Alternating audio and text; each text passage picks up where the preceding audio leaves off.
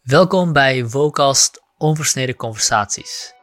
Ik ben Chad Roof en ik verzorg deze podcast volledig zelfstandig en onafhankelijk dankzij de steun van mijn supporters.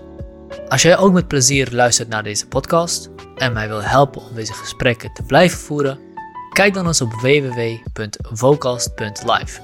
Je kan vanaf 2 euro per maand een bijdrage leveren aan het instand houden van deze podcast en in ruil daarvoor ben je als eerste op de hoogte van aankomende gesprekken kun je gasten en vragen voorstellen en nog veel meer voordelen die je op de website kan vinden.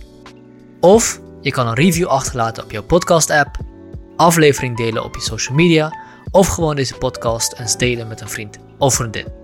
Dat is dus www.vocast.live. Deze link vind je ook in de beschrijving van deze aflevering. En ik wil je alvast heel erg bedanken dat je mijn sales pitch tot het einde hebt beluisterd. En veel plezier met het luisteren naar dit gesprek. Oké, welkom Koen bij Vocast. Hallo. Uh, we gaan eindelijk een podcast over uh, het basisinkomen en jouw boek overnemen. Het heeft uh, volgens mij een jaar geduurd voordat we op dit punt zijn gekomen. Ja, we hebben wel al een jaar contact inderdaad. Het boek is afgelopen 31 maart uitgekomen. En ja, nee, heel leuk. Dus ja, mooi. Het is ook de tweede, de tweede podcast die ik doe voor het basisinkomen. De eerste was met Alexander Dro. Ik moet eerlijk gewoon zeggen, ik, ik was gewoon nog niet volledig overtuigd door Alexander. En ik ben benieuwd uh, uh, naar jouw insteek. Ik heb je boek gelezen, ik vond het interessant. Ik denk dat je daar heel goede punten maakt en ook een uh, heel goed verhaal neerzet. natuurlijk heb ik wel nog vragen. Ehm, maar voordat we daarin gaan, vertel even kort wie je bent, wat je doet en hoe je in dit basisinkomen discussie topic uh, beland bent. Ja, dus ik ben Koen, ik ben 21 jaar. Ik studeer aan de, aan de VU. Ik ga volgend jaar mijn tweede, tweede jaar in, dus ik plak er een jaartje aan vast. Mede ook door het schrijven. En ik ben, denk ik, um, in december van mijn eerste jaar, uh, mijn 6, VW, 6 VWO-jaar, ben ik Rutger Brechtman in eerste instantie tegengekomen. En dan in februari, uh, net voor de eindexamen zo, ben ik Andrew Yang tegengekomen. Die Amerikaanse presidentskandidaat die dit idee eigenlijk op heel veel uh, verschillende wijzen en met heel veel verven heeft betoogd. En eigenlijk heel veel mensen aan zowel democratische als republikeinse zijde uh, voorstander heeft gemaakt van dit idee. En hij heeft mij heel erg geïnspireerd. Zijn verhaal heeft mij heel erg geïnspireerd. En vervolgens ben ik gaan nadenken. En ook omdat ik al heel veel las en steeds meer ben gaan lezen, begonnen met schrijven. Elke dag duizend woorden in dit geval. Wat aan Andrew Yang's verhaal inspireerde je? Omdat hij op een manier die zowel kiezers op, aan de linkerkant van het spectrum als aan de rechterkant van het spectrum. En dan heb ik het niet over de partijkader zelf, maar echt over, over de kiezers. Waarvan velen ook het gevoel hebben dat ze achtergelaten zijn door de traditionele politiek, de establishment als je dat zo zou, zou kunnen zeggen. Dat via zo'n bedrag dat je aan mensen geeft, maar nog meer via de andere policies die hij naar voren zetten. Zoals uh, het, het hervitaliseren of revitaliseren van Amerikaanse gemeenschapsleven. Dat dat iets is wat mensen heel erg aanspreekt. Namelijk, hoe gaan we uh, in de 21ste eeuw, hoe gaan we in een tijd waarin het lijkt alsof we steeds individualistischer worden, ervoor zorgen dat dat maatschappelijk middenveld sterker wordt. Uh, aangezien dat ook een tegenwicht is tegen de machten van de markt en overheid. En een noodzakelijk tegenwicht. Dus dat inspireerde mij heel erg. Hm, Oké, dus vanuit daar ben je meer gaan lezen? Ja, en toen begonnen met schrijven, net na mijn eindexamen, ja, duizend woorden per dag. En dat heeft zich uh, voortgeschreden. en dat manuscript heeft zich steeds verder ontwikkeld. En toen heb ik op een gegeven moment uh, Geert en Waling voor de vijfde keer ge-mailed. En toen heeft hij de vijfde keer gereageerd. Uh, hij is ook wel eens op de podcast geweest, begrijp ik. Ja, ja, ja hij was de vorige volgens mij zelfs. Ja, de vijfde keer reageerde hij. En toen ben ik samen met hem naar Prometheus gegaan, in gesprek gegaan met uh, mijn huidige redactrice. En gelukkig was ik dermate overtuigend dat ik een contract aangeboden kreeg. En verder ben ik nu uh, bezig met het, met het tweede boek, waarin ik eigenlijk het idee van het democratische huis, wat dus in, uh, in, in, in Samenrijk zit, mm -hmm. ben ik nu verder aan het uitwerken. Oké, okay, interessant. Je bent al bezig met een tweede, tweede deel dus. ja, je boek heet inderdaad Samenrijk. en de ondertitel was ben even vergeten wat de ondertitel was. Hoe het basisinkomen Nederland een toekomst geeft. Hoe het basisinkomen Nederland een toekomst geeft, inderdaad. Um, En wat je ook in je boek doet, is je stapt over een paar basisvragen of, of algemene vragen over het basisinkomen heen, omdat je vindt dat daar al genoeg onderzoek naar gedaan is en dat het eigenlijk al wel duidelijk genoeg is uh, uh, hoe dat zou kunnen werken of hoe dat zou kunnen gaan. En je gaat meer kijken naar de toepassing daarvan in Nederland. Hoe zou het in Nederland kunnen werken en wat, welke problemen zou het kunnen oplossen? Um, toch wel voor de mensen die misschien nog niet zo ver zijn al met basisinkomen, toch wel belangrijk denk ik om even kort aan te stippen wat de uh, meest opgeworpen tegenargumenten zijn voor een basisinkomen. Ten eerste onbetaalbaar, ten tweede mensen gaan het uitgeven aan uh, ja, onzin. en ten derde, mensen hebben het niet verdiend. je moet geld krijgen pas als je het verdient. Um, ik laat jou die die eerste twee doen. Uh, want ik wil nog iets zeggen over dat derde idee. Um, en ik denk dat het wel belangrijk is dat we dat, we dat ook, dat we die mind switch maken uh, in de manier waarop we over de wereld nadenken. Namelijk dat als je mensen geld in hun zakken stopt, dat het geld dan niet weg is. Het geld wordt teruggeïnvesteerd door, doordat zij aankopen doen in de economie. Dus op een bepaalde manier is geld geven aan mensen ook investeren in onze economie. En ik denk dat als je die switch maakt, dus niet geld zien als iets dat je moet verdienen als je genoeg gewerkt hebt, maar als een bepaalde manier om te investeren in de relaties die we hebben en de ondernemingen die, die er dus bestaan, dat dan het idee van het basisinkomen ook op een andere manier ingestapt, dat je op een andere manier op het idee van het basisinkomen in kan stappen. Um, dus dat is wat ik over het derde, deel, over derde punt zou, zou willen zeggen. Dat is meer een conceptueel vraagstuk, denk ik. En die eerste twee, daar is ook genoeg empirisch onderzoek naar gedaan. Daar kun je denk ik wel wat over vertellen. Ja, want het liefst zou ik alle drie de punten in één slag mee kunnen nemen. In één bredere analyse over hoe onze economie steeds meer is gaan werken. Waarbij je dus bijvoorbeeld ziet dat die financiële sector steeds machtiger is geworden. Dat ga ik proberen. Maar laat ik eerst even reageren inderdaad op dat eerste, namelijk het is onbetaalbaar. Dat is een argument wat heel erg afhangt van wat zijn je aannames over de economie en, en, en hoe zij werkt. En ook denk ik over de lange termijn blik die je neemt. Uh, als je bijvoorbeeld kijkt naar hoe de arbeidsinkomensquote in Nederland is gedaald. Namelijk in 1977 kreeg... Wat is de arbeidsinkomensquote? Ja, dat wilde ik oh, vertellen. In 1977 kreeg, uh, kreeg Nederlanders via hun loon nog 93 cent op de euro, waarvan die laatste 7 cent dan naar kapitaal en vermogen ging. Terwijl dat nu in 2017 uh, 72 cent was.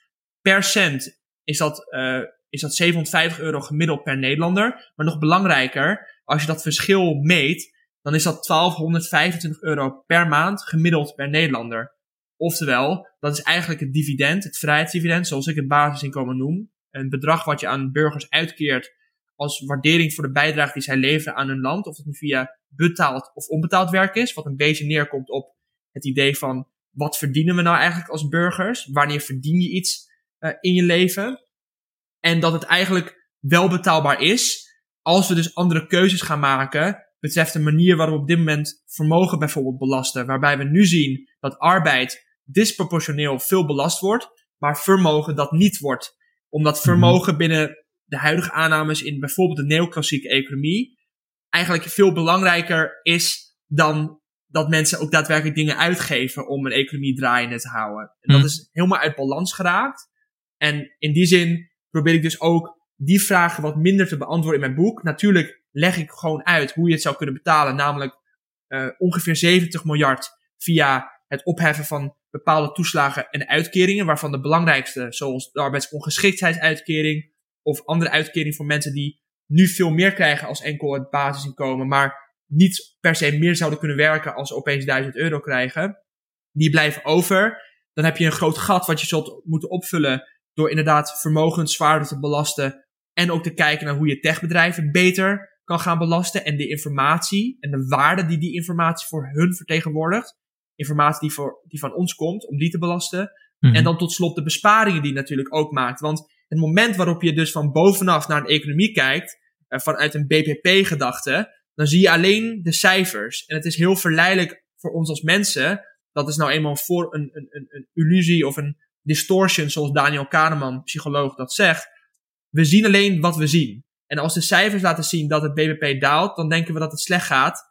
En andersom. Mhm. Terwijl het moment waarop je zo'n bedrag invoert en je bedenkt, en dat zien we ook in experimenten, wat voor uh, sociale effecten dat met zich meebrengt, hoeveel besparingen dat met zich meebrengt en ook wat voor ondernemerschap dat los kan brengen, dan is dat niet per se in cijfers te vatten hoeveel dat betekent voor bijvoorbeeld de weerbaarheid van je samenleving. Weerbaarheid die je niet per se in cijfers kunt vatten.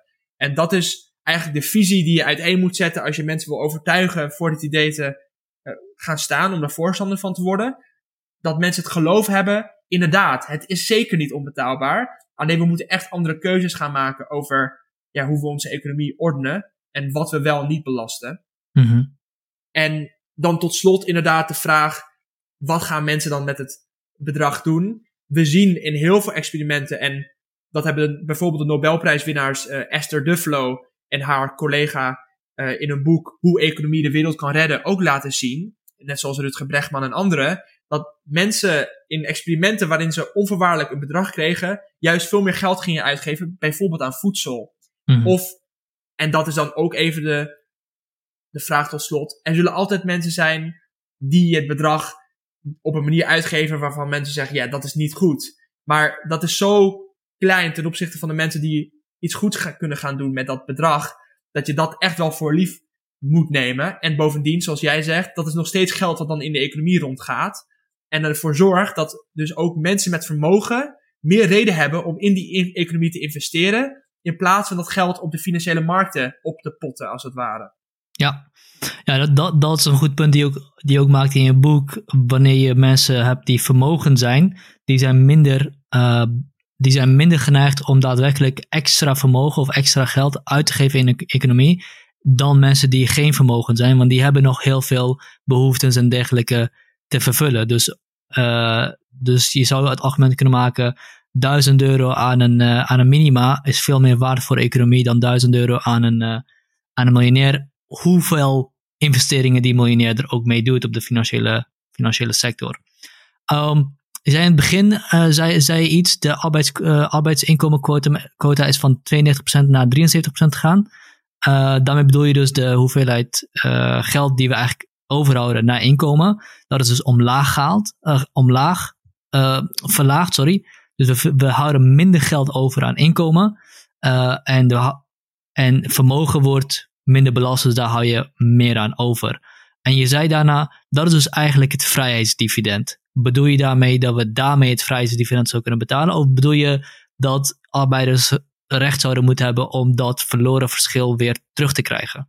Onder andere inderdaad via uh, dat dividend voor, voor een deel. Want dat is 1000 euro en dat komt bijna terug op het bedrag wat ze dus vanaf 72, uh, 1977 zijn, zijn kwijtgeraakt, uh, als het ware. En in die zin zou je dus ook kunnen bedenken, oké, als we onze economie meer weerbaar moeten willen laten worden, en uit alle onderzoeken en uit werken van, van economen blijkt dat economieën juist heel erg weerbaar worden van een bepaalde mate van gelijke verdeling van vermogens, waarbij iedereen de kansen krijgt om aan, zoals ik het in mijn boek zeg, de economische pilaar van het huis te werken. Mm-hmm. Um, dan moet je dus ook zorgen dat die machtsverschillen kleiner, uh, niet zo groot zijn als ze nu zijn. En die machtsverschillen uiten zich dus inderdaad, die machtsverschillen tussen arbeid en kapitaal in dit geval, uiten zich inderdaad in dat grote verschil wat is ontstaan in de arbeidsinkomensquote, waarbij dus eerst arbeid nog 93 cent van elke verdiende euro in onze economie kreeg, waarbij dat dus nu 72 cent is. En via dat dividend kun je eigenlijk die macht gezonder gaan verdelen, want het is een onvoorwaardelijk bedrag. Je kunt geen voorwaarden eraan stellen en juist voorwaarden tekent wat machten kunnen doen. Als je macht hebt kun je voorwaarden stellen. Mm-hmm. Um, en het is daardoor ook iets wat mensen meer vrijheid kan gaan geven om op welke manier mogelijk aan de pilaren van ons huis te werken. En eigenlijk ja, onze economie, politiek en samenleving meer, meer weerbaar te maken. Ja, uh, leg eens uit wat je bedoelt met weerbaarheid. Want ook dat, dat, dat, daar heb je het veel over inderdaad. Dat komt van uh, Taleb. En je punt begint eigenlijk, of je boek legt eigenlijk uit dat wij geen weerbare samenleving meer hebben op dit moment. Um, kun je dat uitleggen en kun je uitleggen wat dan weerbaarheid wel is? Of antifragiliteit? Ja, het idee wat ik in het huis neerzet is een metafoor voor de samenleving van een democratisch huis. En dat huis heeft in dit geval eerst vier pilaren, namelijk sociaal, economisch, politiek en rechtsstatelijk. En het heeft ook een dak. En het idee is eigenlijk dat wij als burgers elke dag aan die pilaren van het huis aan het werk zijn. Wij voegen veranderlijkheid toe aan die pilaren. Maar het moment waarop het dak van het huis, en dat is eigenlijk de evenwicht van machten die door de hele geschiedenis heen heeft bestaan, namelijk het evenwicht van machten tussen markt, overheid en maatschappelijk middenveld, oftewel de samenleving.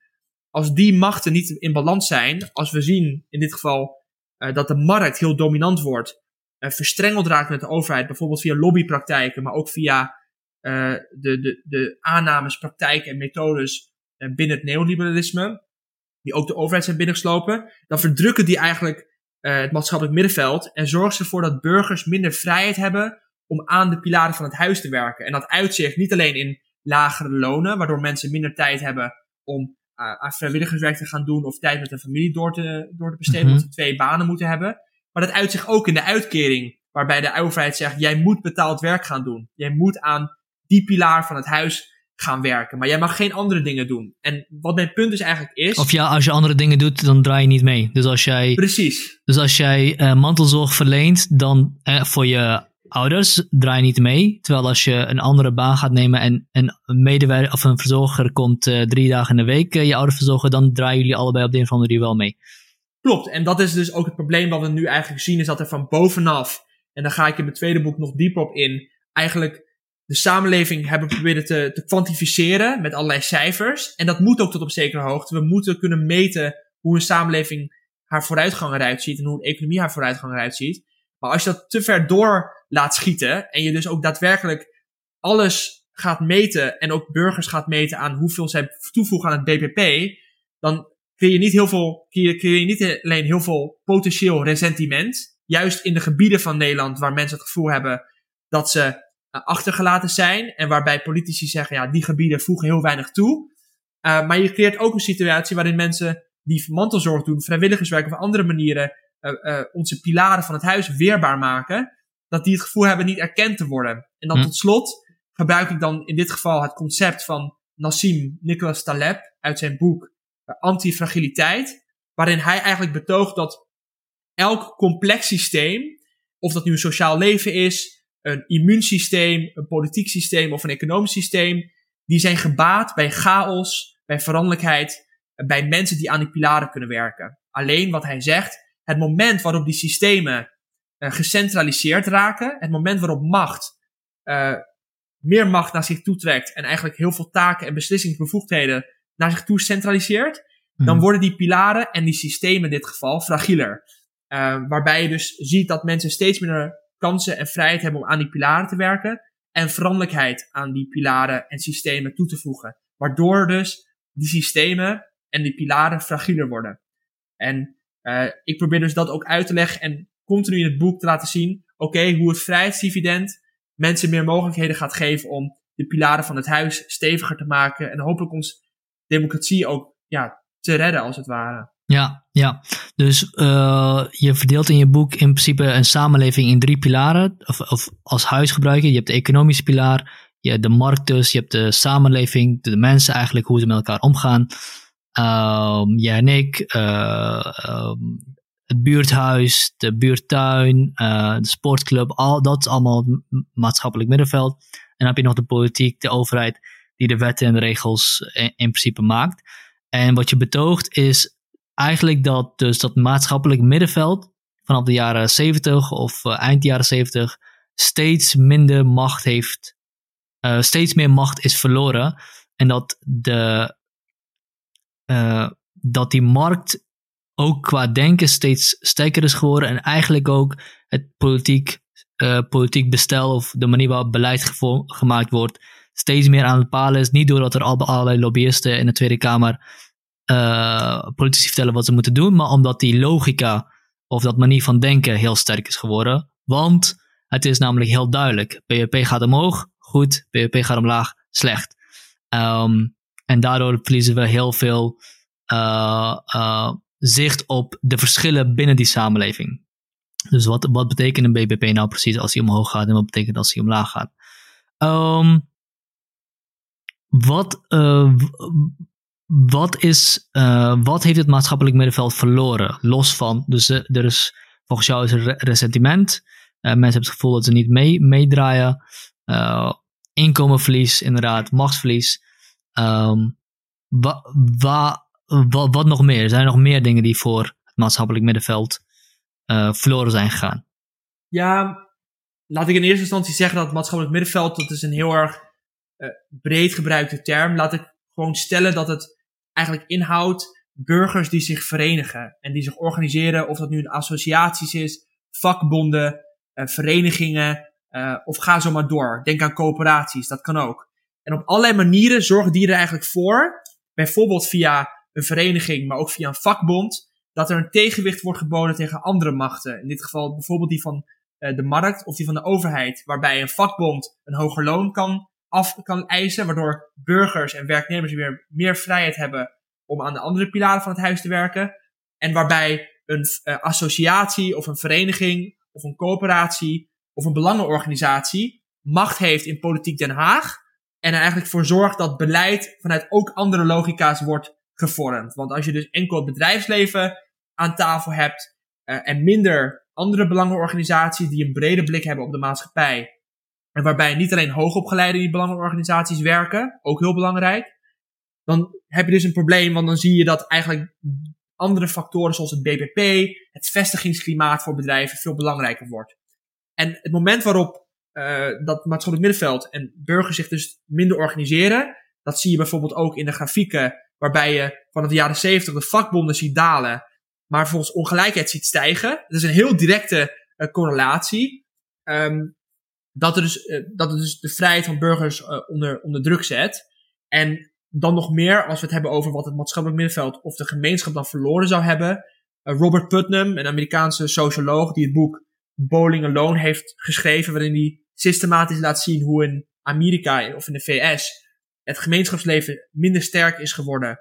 En je die analyse ook bijna één op één kunt, kunt maken naar, naar andere landen. In mm -hmm. iets mindere mate, weliswaar, maar dezelfde trend is zichtbaar. Je ziet dat mensen meer eenzaam zijn geworden. De mentale gezondheid van mensen achteruit is gegaan naarmate de ongelijkheid is gestegen. Mm -hmm. Je ziet dat de levensverwachting tussen mensen, tussen rijk en arm, hoog en laag opgeleid, praktisch en theoretisch opgeleid, is uh, uiteen is gegroeid. En je dus ook ziet dat de geografische verschillen um, in Nederland ook gegroeid zijn. Uh, Josse de Voogd laat dat heel mooi, heel mooi zien. Dat is een, een sociaal geograaf in, in, Nederland.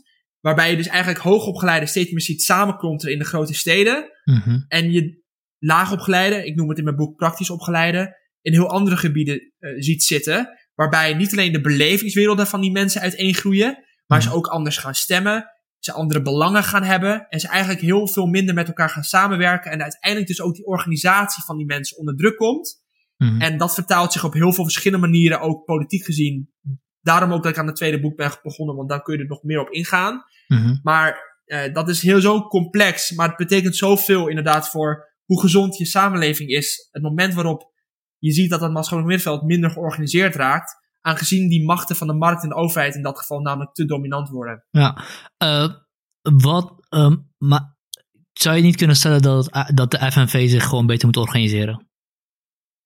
Dat zou je inderdaad kunnen zeggen. De vraag is tegelijkertijd, waaromheen organiseer je? Want ik denk dat er zeker een toekomst is voor de vakbond. Er is nog zeker een toekomst voor betaald werk. Ik vind ook het ook niet terecht. En ik vind het ook niet gezond om in een discours te vervallen waarbij we zeggen alle betaald werk gaan verdwijnen, gaat verdwijnen.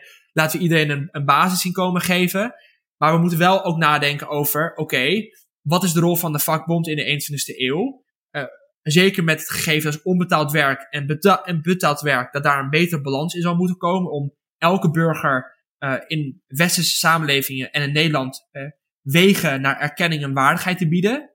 Mm -hmm. Niet alleen via betaald werk, maar ook via onbetaald werk. Dan moet je dus ook nadenken.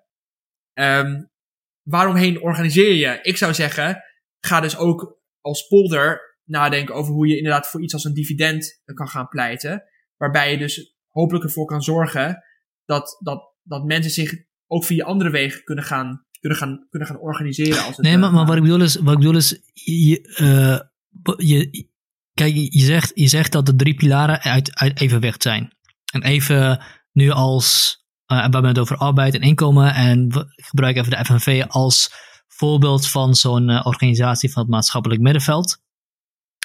Als het zo is dat die drie pilaren elkaar uh, in even, evenwicht moeten houden, En de FNV is degene die nu niet genoeg tegenwicht kan bieden. Even om allerlei, allerlei factoren. Is het dan niet zo dat we gewoon kunnen zeggen dat de FNV zich beter moet gaan organiseren? Ja. Oké. Okay. Uh, en um, um, is dan is dan de baas of een basisinkomen, is dat, is dat dan nog nodig? Als, het even, als de MV zich goed zich zou, als tegenwicht zou kunnen presenteren tegenover het uh, marktdenken en het, uh, en het politiek denken. Dus kunnen, we dan, kunnen we dan redden? Of is dan volgens jou nog steeds het vrije dividend nodig? Hangt er vanaf hoe een FNV of een vakbond zich organiseert en welke thema's ze aansnijden. Als ze bijvoorbeeld ook gaan afdwingen dat mensen ook via, via andere wegen als enkel betaald werk. En FNV draait nou eenmaal, als ik het zo mag zeggen, primair op betaald werk. Mm mogelijkheden krijgen tot, tot waardigheid en erkenning. Dan kan het, kun je zeggen, oh dan is het basiskomen of een dividend niet nodig. Ik, ik zou juist ook in NN, ik zou juist NN denken. Dat het allemaal heel mooi naast elkaar kan bestaan. En zo betoog ik ook in mijn boek dat we, mo ons, dat we zouden moeten nadenken. Wat betekent dat elke persoon in Nederland een dividend krijgt? Waarboven werken weer gaat lonen. Waarboven mensen die het gevoel hebben op dit moment niet genoeg te verdienen, ook een soort van stakingsfonds hebben. Want wat betekent het voor jou als je eerst niet wilde staken, maar nu weet ik heb een dividend, dus ik kom sowieso rond, ik blijf sowieso rondkomen, dan ga je wel naar die staking. En dan hmm. ga je wel eisen dat je een hoger loon krijgt. Waardoor je dus hopelijk ook een, een dynamiek ziet waarbij steeds meer mensen, mensen niet alleen de middelen hebben, maar ook de tijd om zich aan te sluiten bij de vakbond. De vakbonden actief reageren op die tijd en middelen die nu vrijkomen. En inderdaad ervoor gaan zorgen dat in bepaalde sectoren waar die lonen gewoon omhoog moeten, ook omhoog gaan. En dat de mensen die zeggen, ik vind dit loon goed, zeker met het dividend, dat die kunnen gaan zeggen, ik hou, ik hou dit loon, ik ga meer onbetaald werk doen naast mijn werk. En dat je dus een economie krijgt en een samenleving die veel meer in balans is, als het ware. Waarbij, ja. En dat is heel moeilijk uh, uit te leggen, maar we zullen het pas zien als het er is. En ja. dan zullen we voelen dat het goed is. Ja, je legt, uh, je legt uit uh, daarin in je boek dat, dat het basisinkomen als een vloer kan functioneren voor, voor arbeiders, voor, voor werknemers, omdat ze altijd of makkelijker dus over kunnen stappen op andere baan, of makkelijker een paar maanden zonder werk kunnen zitten.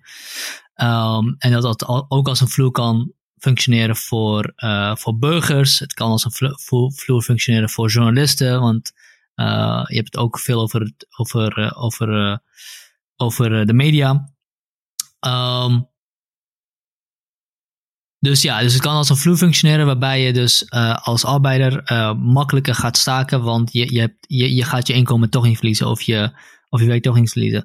Maar wat, het, het kan natuurlijk ook ervoor zorgen dat, dat, dat mensen juist luier worden en minder kritisch zijn op, op wat hun werkgever doet. Want ja, het maakt nog niet zoveel uit als ik, als ik niet krijg wat mij toebehoort. Want ik, want ik red me toch wel en ik ben hier vooral voor mijn plezier.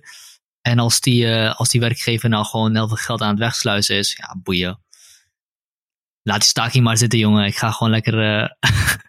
ik denk dat als je deze individuele vraag aan mensen stelt, meer dan 99% zegt dat ze dat niet zullen doen, omdat mm. ze zichzelf gewoon niet zo zien vraag je aan mensen hoe anderen het zouden doen, dan krijg je inderdaad heel andere antwoorden.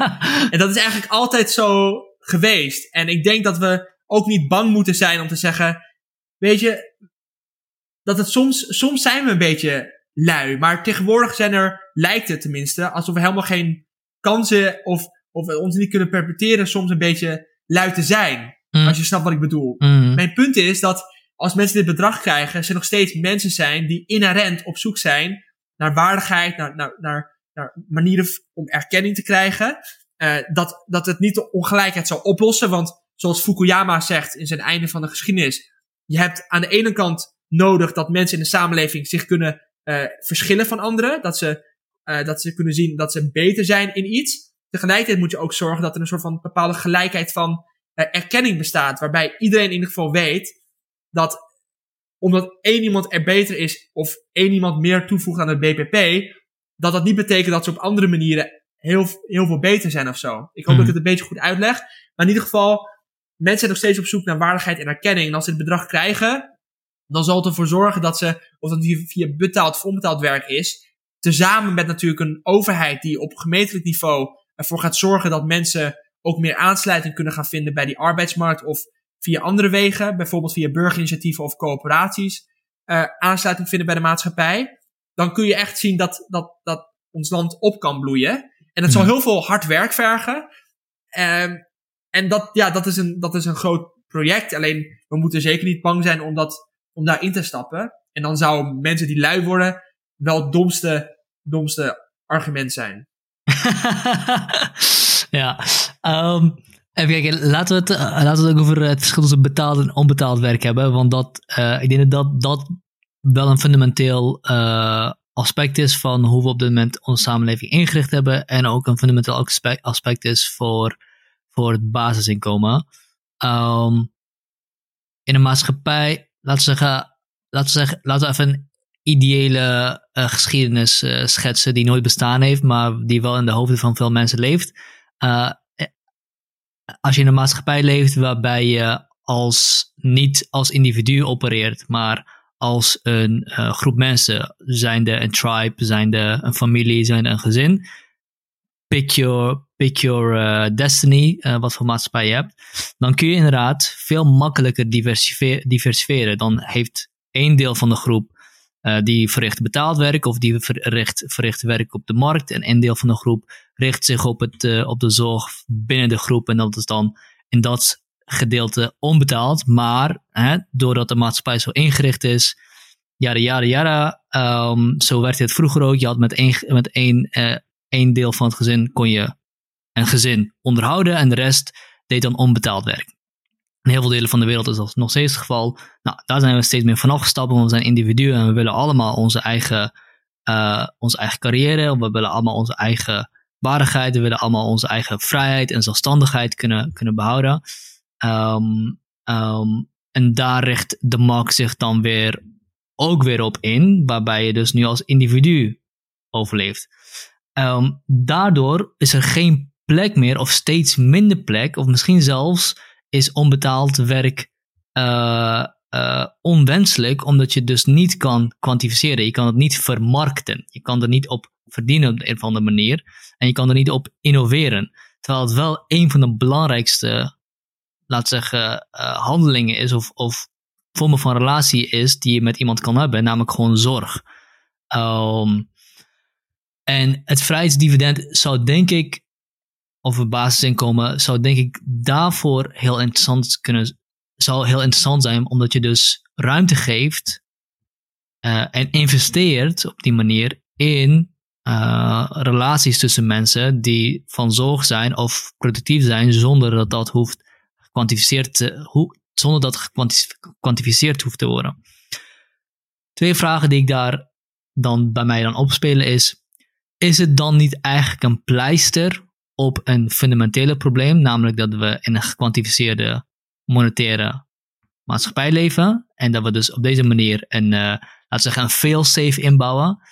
Um, dat is één. Twee ben ik vergeten. Laten we het bij één houden. Misschien is dat een goed, uh, goed punt waar we het over kunnen hebben.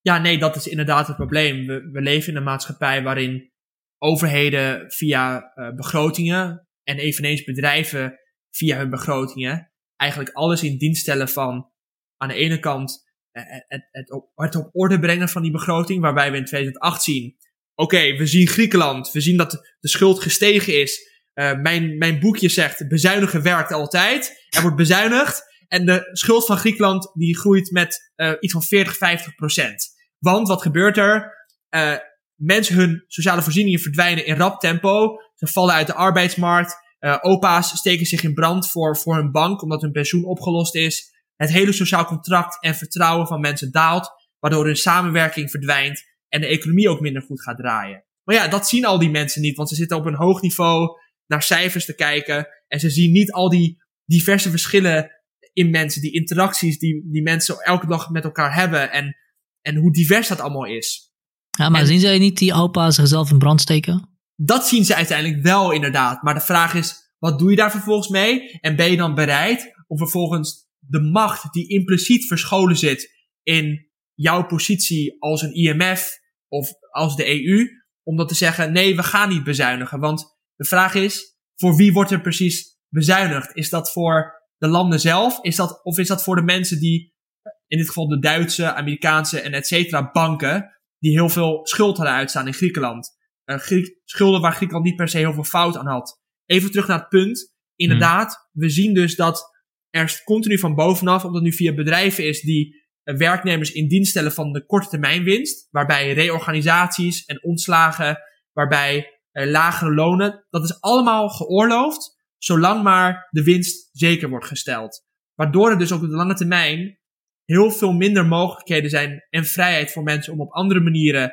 uh, aan hun bedrijf iets toe te voegen. Waarbij ze bijvoorbeeld meer macht hebben om inspraak te hebben over waar het bedrijf dan naartoe gaat en welke uh, beslissingen ze nemen.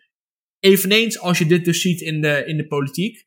Um, en dat we dus ja, heel veel waarde, heel veel sociale cohesie kwijtraken, omdat we dat dus allemaal niet kunnen kwantificeren. En dat dividend is een stapje in de goede richting. Dat zeg ik ook in mijn boek. Als je zorgt dat het ook echt een middel is om die ongelijkheid terug te dringen. Als je ervoor zorgt dat samen met dat dividend je bijvoorbeeld coöperaties gaat stimuleren. Zoals energiecoöperaties, wooncoöperaties, uh, ander soort coöperatie. Waarbij mensen dus niet alleen vertrouwen met elkaar opwekken. Omdat ze samen ergens aan werken. Maar ook uh, een macht tegenover andere machten uh, zetten. En het dividend is onvoorwaardelijk, waardoor het dus ervoor zorgt dat niemand de macht heeft om daar voorwaarden aan te, te stellen. Waardoor mensen dus ja, meer vrijheid hebben als het ware. En het moment waarop je voorwaarden gaat stellen, tot slot, moet je al denken, oh, daar zit waarschijnlijk een bepaalde mate van kwantificering achter. Want waarom stel je voorwaarden? Omdat je wil dat de cijfers die jij hebt een bepaalde kant op gaan. Hm. Hm. Ja, als het onvoorwaardelijk moet zijn, dan zou het al bijna in een grondwet moeten verankerd worden, toch? Ja. Daar zeg ik niks over, maar als ik ooit de politiek in ga, ga ik er nog eens over nadenken. ja, ja want die onvoorwaardelijkheid, die, dat, dat, dat moet natuurlijk super diep verankerd worden in wetgeving. Want anders uh, is het bij elke nieuwe uh, verkiezing weer een, weer een onderwerp van discussie natuurlijk. Ik zou zeggen dat de onvoorwaardelijkheid wel in de wet vastgelegd moet worden, maar niet de onvoorwaardelijkheid van het dividend zelf. Want ik denk dat het moment waarop je, zoals Duitsland bijvoorbeeld deed in de schuldencrisis, een, een schuldenbremse invoert. Zij mm-hmm. hadden dus gewoon een stop op meer schulden. Dat maakt je systeem heel fragiel, want er is totaal geen ruimte meer voor veranderlijkheid. Wat mijn punt dan is, het liefst zou ik zien dat een samenleving altijd genoeg gelijkheid kent. En ik denk zelf ook heel veel na over hoe zou je nou voor kunnen zorgen dat een samenleving nooit meer opkomt en neergaat. Zoals uh, in mijn boek Utrechtse historicus Bas van Bavel zegt. Waarbij je dus ziet dat samenlevingen, of dat nu Italië in de 13e eeuw is, Irak in de 9e eeuw, en Nederland in de Gouden Eeuw en nu ook uh, onze samenlevingen, mm-hmm. dat de vermogensongelijkheid eerst laag is en dan gaat de samenleving bloeit op. Die is heel erg uh, uh, ja, sterk. En dan gaat het weer naar beneden omdat die ongelijkheid stijgt. Dan denk ik, hoe gaan we nou zorgen dat dat nooit meer kan gebeuren? Terwijl op dit moment ben ik nog in mijn denkproces dat ik zeg, je moet dat ook een dividend niet in de wet vast gaan leggen. Omdat politiek is tenslotte een strijd om ideeën. En als mm. mensen niet eens zijn met het dividend, het kan zomaar zijn dat het gewoon helemaal niet goed werkt. En dat er wellicht andere, betere ideeën zijn. Ja, dan, als het dan in de wet staat, is het fucking totalitair. Ja. Dus dat moet je natuurlijk niet doen. Heel, ja, nee, dat, dat, dat, dat respect voor het voorschrijdende inzicht inderdaad. Want uh, de vraag namelijk, hoe kunnen we zorgen dat een samenleving nooit meer omlaag gaat, is natuurlijk is een heel gevaarlijke vraag. Want dat is de weg naar totalitarisme. Dat is de weg naar fascisme bijvoorbeeld. Misschien zelfs, laat ik even heel groot maken. Maar het feit als je, als je, als je, als je de hoop hebt om in één generatie de problemen op te lossen. Wat je eigenlijk aan het doen bent, is om volgende, is de volgende generatie de kans ontnemen om de problemen op hun eigen manier op te lossen. Dus ja, als je, dat is ook tegelijkertijd ook gewoon het einde van de geschiedenis. Letterlijk het einde van de geschiedenis als je dat ooit voor elkaar zou kunnen krijgen. En dat krijg je natuurlijk niet voor elkaar, want als mens heb je maar een bepaalde, uh, misschien als je echt een genie bent kun je 500.000 jaar vooruit kijken. Er zijn wel misschien wel genieën geweest die werken geschreven hebben die nog steeds relevant zijn. Maar ja, verder dan dat, echt kijken, dat, dan wordt het natuurlijk heel lastig, denk ik. dus je hebt ook maar een beperkt perspectief op de wereld. Uh, en wat dat betreft kun je denk ik beter aan het concentreren. Hoe kunnen we deze problemen nu oplossen? En voor jou op dit moment zeg jij dat het vrijheid en dividend de eerste goede stap is die we moeten zetten. En, uh, en de rest is aan de volgende generaties. Goed punt. Um, even kijken. Uh, ja, waarom het vrijheidsdividend? Misschien even daar. Waarom, waarom, waarom het basing? Waarom niet dus eigenlijk gewoon direct investeren in die FNV? Waarom niet direct investeren in coöperatie? Waarom niet gewoon uh, kinderopvang gratis maken? Um, laten we zelf zeggen, de voorwaarden uit de bijstand weghalen. We hebben geen vrijheidsdividend, maar iedereen die de bijstand aan wil vragen, uh, kan dat zo doen. Um, en je kan het ook weer, uh, weer stoppen als je betaald werk hebt. Um, wat hebben we nog meer? Wat probleem is? Inkomen gaan we minder belasten. Vermogen gaan we, gaan we zwaarder belasten. Dus al die dingen die we zouden willen zien, gaan we gewoon doen. Maar we gaan geen vrijheidsdividend doen. Ja, nee, dat is ook zeker een uh, optie. Uh, tegelijkertijd zul je dan ook, als je dat gaat doen, heel goed moeten kijken naar op welke manier je macht uh, bijvoorbeeld verdeelt. Om maar een voorbeeld te geven, stel je kiest bijvoorbeeld voor een basisbaan.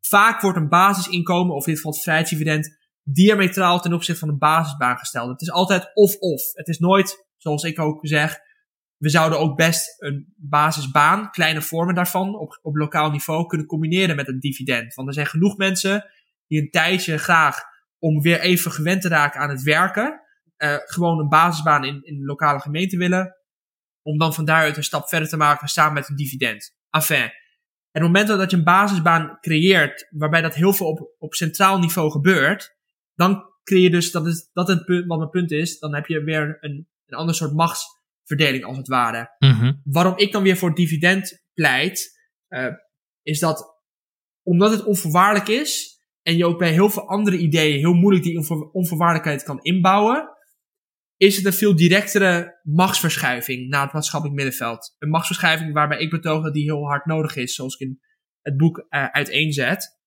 En uh, dan zul je daaromheen inderdaad ook andere dingen moeten gaan doen. Bijvoorbeeld wetten waardoor vakbonden beter beschermd zijn. Of andere manieren om macht gezonder te verdelen. Um, en tegelijkertijd zie ik ook met het dividend dat het een veel, naar mijn mening, groter potentieel heeft om uh, verschillende kiezers en kiezersgroepen bij elkaar in één coalitie te krijgen. Mm-hmm. Dan andere ideeën dat hebben. Uh, Bernie heeft in Amerika wel heel mooi laten zien. En hij heeft niet voor een basisinkomen gepleit hoe je dus ook heel veel mensen bij, bij jou in de coalitie kunt krijgen die op het eerste oog niet met elkaar uh, overeen zouden kunnen komen. Mm-hmm. Uh, waarbij hij heel veel mensen die uiteindelijk nu op Trump hebben gestemd wel uh, bij zich had gekregen. En mijn punt is, dat is de allergrootste uitdaging voor de politiek momenteel. De enige manier om de macht van bepaalde economische of politieke elites te doorbreken, is door een hervormingscoalitie te hebben.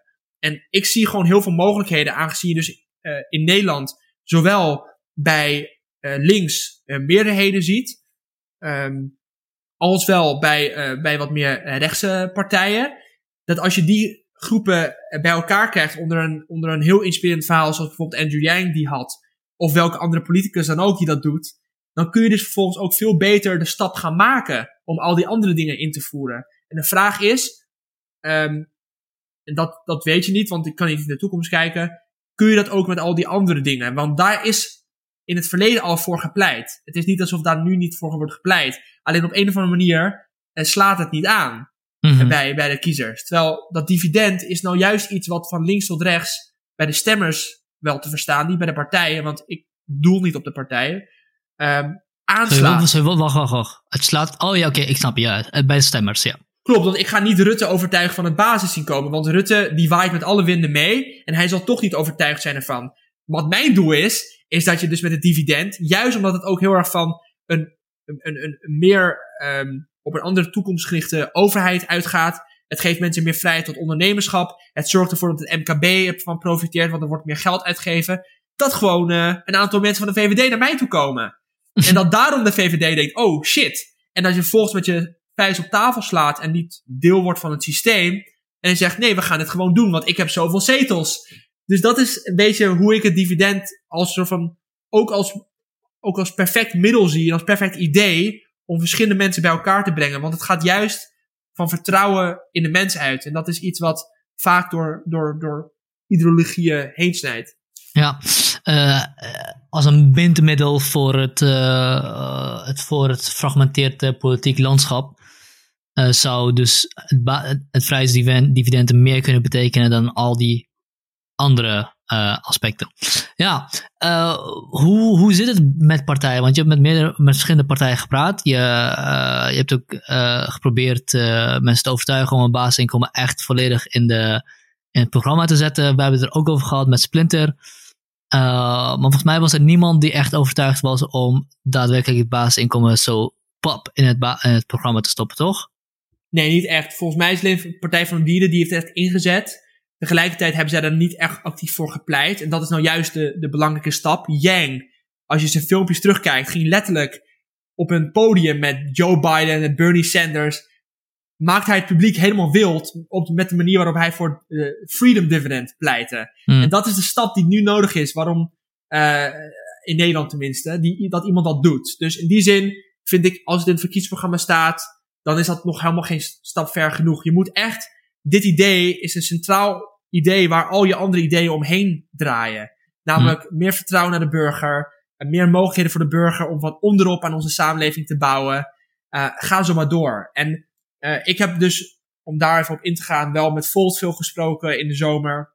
Hm. Uh, en wel eens met andere partijen. Maar ik denk dat, dat het, ja, ik hoop heel erg dat, dat het, dat de aankomende vier jaar, of wanneer de nieuwe verkiezingen komen, dat er toch nog toch die stap wordt gezet of zo. Want tot slot, wat ik ook in mijn inleiding zeg, we zijn het punt van experimenten, lijken we echt voorbij te zijn. Omdat er echt op grote en kleine schaal alles laten zien mm. wat geld geven doet. En tegelijkertijd kan het ook een signaal afgeven dat je mensen niet vertrouwt of zo. Waarom zouden die experimenten anders uitpakken in Nederland? En waarom zouden Nederlanders niet iets goed doen met dat bedrag? Het moment waarop experimenten gaat doen, kan dat uh, soms averechts werken. Ja. Ja, ik weet niet man. Het is ook wel echt, je, je, het is wel echt, stel je voor, volgende week wordt het ingezet. Vrijheidsdividend. Iedereen krijgt elke maand 1250 euro. Nee, 1000 euro. 1000 euro, oké. Okay. 1000 euro. Geen zorgtoeslag meer. Geen huurtoeslag. Geen zo, ja, zorgtoeslag zei ik al.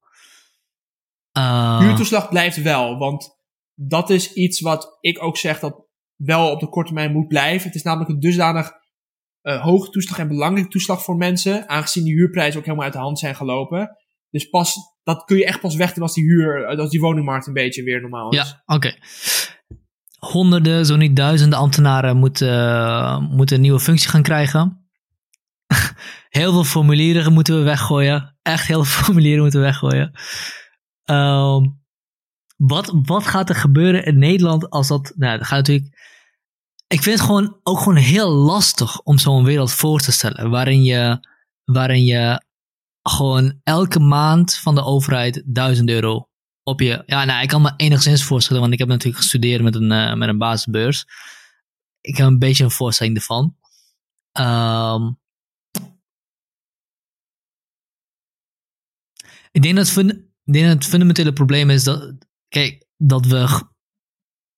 Even los van die basisinkomen, we zijn te veel consumenten geworden en te weinig burgers. We zijn te veel arbeiders geworden en te weinig samen. Mensen die, mensen die in een gemeenschap leven. En, um, en eigenlijk al die initiatieven om meer eigenaarschap te creëren bij mensen of meer met elkaar te zijn en dergelijke, die falen een beetje omdat ze die twee kernproblemen niet aanpakken. Um, namelijk dat we heel veel werken. 40 uur per week. Uh, vijf dagen in de week. Dat, eigenlijk best wel veel om vijf dagen in de week aan iemand anders te geven. Je tijd is niet van jezelf en je arbeid is niet van jezelf, van iemand anders. Tenzij je natuurlijk het werk super leuk vindt. Uh, en dan nog energie over te houden om je te bekommeren om je gemeenschap, uh, de, bredere, de bredere praktijk. Terwijl er tegelijkertijd zoveel te doen en te beleven en te kijken is wat veel interessanter en leuker en laat zeggen, visueler is dan, uh, dan in zo'n saaie buurtavond te gaan zitten. Uh, dus als ik, uh, als ik mijn, mijn baan heb gedaan waarin ik heel veel plezier uithaal, waarin, of gehad, mijn werkdag heb gehad, heel veel plezier uithaal. Ik ben, haal daar trots uit. En dan moet ik s'avonds naar zo'n buurthuis, sa saaie buurtavond, terwijl ik ook gewoon op de bank en een enorm vette film kan kijken. Um, ik maak het even heel banaal, want ik denk dat de manier waarop we ons leven invullen ook gewoon heel veel energie van ons wegneemt. En tegelijkertijd ook heel veel van, van, van voor ons wil verzorgen. Even heel simpel. Uh, als ik in de toko kom, dus uh, waar, waar het eten veel minder al uitnodigend is om gekookt te worden. Dus de courgette ziet er niet allemaal even goed uit. Ik moet gaan checken of de sinaasappel goed is of niet. moet ik echt meer mijn best gaan doen om te koken. Terwijl als ik naar de Albertijn ga, ik pak een zak hier, ik pak een sausje daar, ik sta bij de, bij de counter en ik ben klaar. Dus ook, het, ook hoe, je, hoe je leven goed kan vormgeven wordt ook enigszins uitgehold doordat het makkelijker gemaakt wordt. Tegelijkertijd wordt er heel veel energie van je weggezogen door al die uh, dingen die je kan consumeren, door je, door je baan en dergelijke. En dan moet ik ook nog eens uh, de verantwoordelijkheid voelen om in zo'n saaie buurtavond te gaan zitten.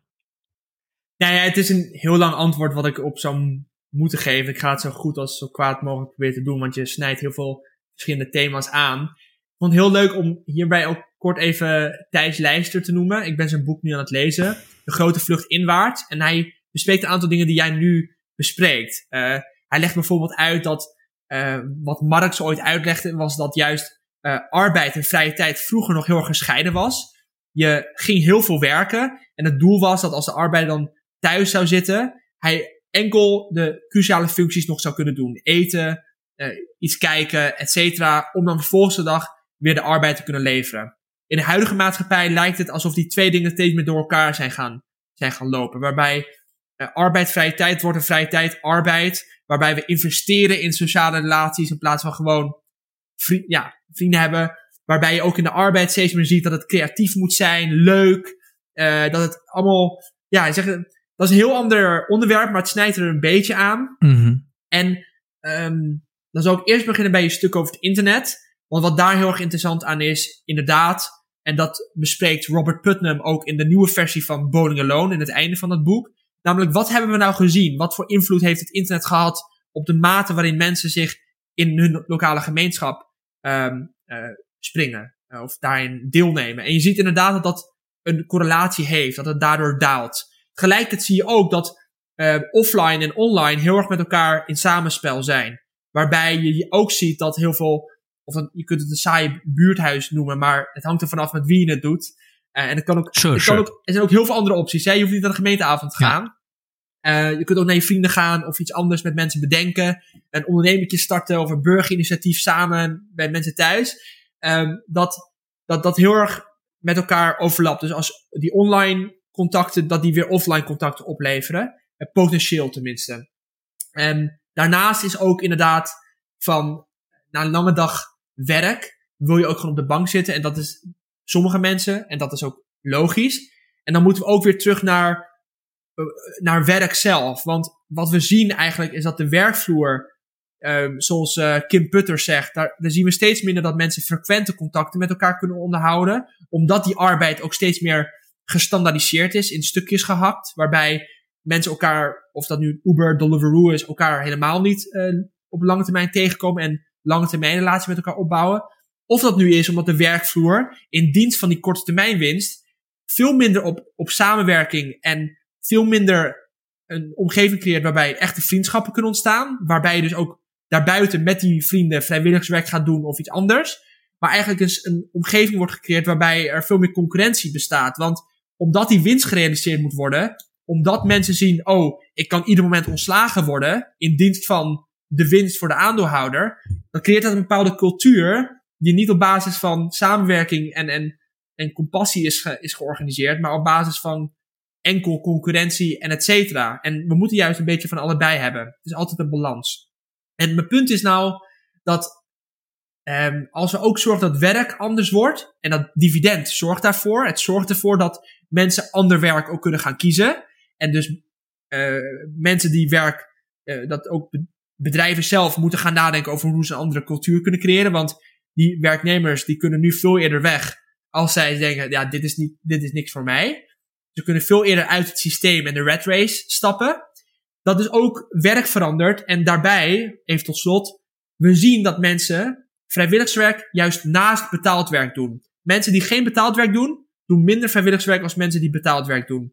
Dus als je mensen zorgt dat mensen de structuur van het betaald werk al hebben, dan zullen ze, zullen ze daarnaast ook, ook meer vrijwilligerswerk gaan doen. Of dat nu die saaie buurtavond is of iets anders. Maar dat, dat mogen mensen, dat, dat is ook het punt. Hè? Ik probeer niet te zeggen, oh, je, je Hmm. moet naar de gemeenteavond, want we moeten de di- diploma-democratie afschaffen, waarbij alleen al hoogopgeleid naar de gemeenteavond gaan. Het is helemaal vrij aan mensen om te, te zeggen hoe zij aan hun sociale leven en aan de sociale pilaar willen werken. Dus Hmm. ja, Mm, mm. Ja, ik denk ook eh, in dit geval dat het vrijheidsdividend dat beoogde voordeel die je hier noemt vooral kan bereiken bij de onderdelen van de samenleving die heel hard moeten werken en heel moeilijk rondkomen en daardoor dus eigenlijk inderdaad veel minder bandbreedte hebben of totaal geen bandbreedte meer over hebben om om zich heen te kijken. Ehm, en tegelijkertijd heb je nog steeds ehm, dat super handige ding die heel veel leuke dingen voor je heeft en constant je aandacht vraagt. Dus als je inderdaad geen bandbreedte hebt, dan, dan, dan geef je daar ook graag aan toe, want dat is super leuk. Ehm, en dat, dus, dus ja, dat, dat, dat dus meer dan voor degene die al eh, eh, redelijk comfortabel zitten. Maar de, ban- de vrijheidsdividend werkt alleen maar als je het aan iedereen geeft. Ja, werkt alleen maar. Werkt het beste als je het aan iedereen geeft. Ook aan degene die eigenlijk helemaal niet nodig hebben. Al, al, al comfortabel genoeg zijn. En ook genoeg energie nog steeds hebben om naast hun werk te werken aan die eh, sociale pilaar. Of misschien door hun werk al werken aan, een socia- aan het sociale en maatschappelijk pilaar. Ehm, je maakte een punt waar ik op wilde reageren. Maar die ben ik. eh, oh ja, dat, eh, dat bedrijven steeds meer een, een werksituatie creëren waarin concurrentie belangrijker wordt en samenwerking minder. Is dat zo? Want, kijk, het punt is, ik, ik weet het niet, hè? Ik, ik vraag dat. Kijk, als het, als het zo is dat eh, voor succes een balans tussen samenwerking en eh, samenwerking en concurrentie een vereiste is, dan lijkt het me evident dat een succesvol bedrijf dat snapt en dat ook ehm, beoogt. En ik, ik, ik, weet niet hoe het bij Google eruit ziet, maar als ik dingen van Google lees, dan hebben ze daar ook heel veel over. Nou, dat kan natuurlijk marketing zijn en het kan natuurlijk PR zijn. Bij een Deliveroo en een Uber zie ik heel goed wat je bedoelt. Eh, kantoorbanen die ik heb gehad, zie ik juist niet wat je bedoelt. Zie ik een heel andere situatie. Ehm, dus kun, kun je dat iets meer uitleggen of onderbouwen? ja, ik denk dat het meest belangrijke onderscheid wat je moet maken is of een bedrijf, bijvoorbeeld een familiebedrijf is, een MKB-bedrijf, of dat het een bedrijf is die eh, in handen is of van bijvoorbeeld aandeelhouders die op de Hm. beurs eh, is, die indirect op de beurs is. Het kan ook zijn dat het bedrijf weer onder een groot hedge fund valt, die weer op de beurs actief is. Dat kan heel erg eh, fijnmazig zijn, maar in ieder geval, waar is een bedrijf primair mee bezig? En als we het hebben over eh, familiebedrijven, als we het hebben over MKB-bedrijven, dan zien we ook dat die eh, elke maand meer geld terug investeren in hun bedrijf. Ehm, dan, dat, dat is ook een feitje in het boek, dan eh, bedrijven die, die op de financiële markten of eh, primair aan een aandeelhouder verantwoordelijk aan het afleggen zijn. Die investeren veel minder terug in hun bedrijf. En dus ook indirect in de opleiding van hun werknemers en de mate van vertrouwen en samenwerking eh, daarbinnen. Bijvoorbeeld Mhm. omdat het geld terug in, wordt geïnvesteerd in lonen, waardoor mensen ook het gevoel hebben gewaardeerd te worden. Ehm, en dat je ook ziet dat familiebedrijven veel, veel meer continuïteit hebben. Jumbo is een bedrijf wat van, van oudsher een familiebedrijf is. En het bestaat gewoon heel lang. En heeft daardoor ook andere, andere en ook meer belang dan enkel winst. Het is namelijk een bedrijf wat ze ook in de familie willen houden en op lange termijn willen laten bestaan. Het punt wat jij maakt over wat zou een bedrijf dan toch ook weten van ehm, als, een, als daar een balans nodig Ja, is, dan gaan ze Dan dat toch ook doen. nog, Even- nog alleen, de, alleen de bedrijven die het, die het toepassen, zouden succesvol worden dan. Klopt. En dat is iets, heel, heel erg moois wat eh, Simon Sinek laat zien in zijn boek eh, Leaders Eat Last. Waarin hij dus eigenlijk laat zien hoe juist die bedrijven en die leiders binnen bedrijven die die organisatievoering op een heel andere manier inrichten, dat die juist in tijden van crisis het veel beter doen dan de bedrijven die enkel gericht waren op winst. Want wat gebeurt er nou? Die aandeelhouders willen gewoon hun winst op de, op de korte termijn en heel veel is, is daarvoor uh, geoorloofd. En wat je ook ziet, is dat die aandeelhouders, hun aande dat aandeelhouders in het algemeen steeds korter hun, hun aandelen aanhouden. Het lijken weliswaar eigenaren, maar het lijkt wel huurders, want ze houden het vaak maar drie, vier, en vijf maanden. Dus heel kort, waarbij ze dus heel snel winst willen maken. En dan hebben ze totaal geen loyaliteit of verantwoordelijkheid meer naar de werknemers en het hele bedrijf toe. Want ze hebben gewoon geld verdiend. Ze hebben een aandeel gekocht. Eh, ze hebben korte termijn winst geëist. Ze hebben bijvoorbeeld een heel bedrijf opgekocht. Heel veel ontslagen doorgevoerd. De totale herstructurering. En het vervolgens doorverkocht met winst. Um, en eigenlijk zijn mensen gewoon totaal. Er wordt totaal geen verantwoordelijkheid meer afgeleid aan mensen als het ware. Dus ik zeg niet dat het in elk bedrijf zo is. Maar wanneer je ziet dat steeds meer bedrijven primair rondom winst gaan draaien, dan zul je ook zien dat die werkvloer verandert. Dus ik ben ook helemaal niet verbaasd dat jij banen hebt gehad waarbij je totaal dat niet uh, merkt. Uh, dat, daar verbaas ik me niet over. Het, uh, dat, dat bestaat inderdaad. Mm, mm, mm. Goed punt, goed punt. Um, even denken. Is er nog iets belangrijks dat we moeten bespreken wat we nog niet hebben besproken?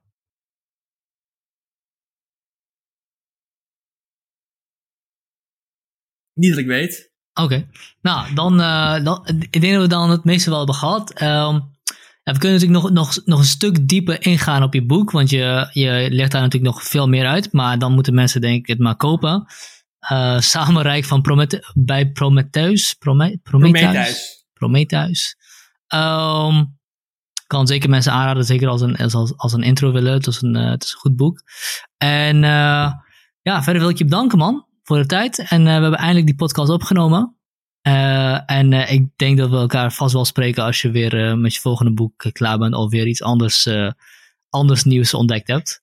Ja, nee, geen probleem. Het was heel erg leuk. En ik denk dat een uur ook gewoon een mooie tijd is voor de mensen die ook, die ook luisteren.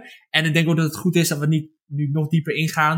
Want dan hebben we straks bij het tweede boek, wat hopelijk in januari, februari, maart kan gaan komen, hebben we weer een mogelijkheid om wat dieper op de thema's die we hier al hebben besproken in te gaan.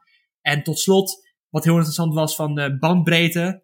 Um, in mijn tweede boek zit ook heel veel gedachten over Daniel Kahneman en systeem 1 en systeem 2 denken. Oftewel snel en langzaam denken. Dat, dat zijn zoveel dingen die, ja, het is gewoon echt interessant. Maar in ieder geval, het was heel leuk om met je te praten. En uh, hopelijk spreken we elkaar weer snel.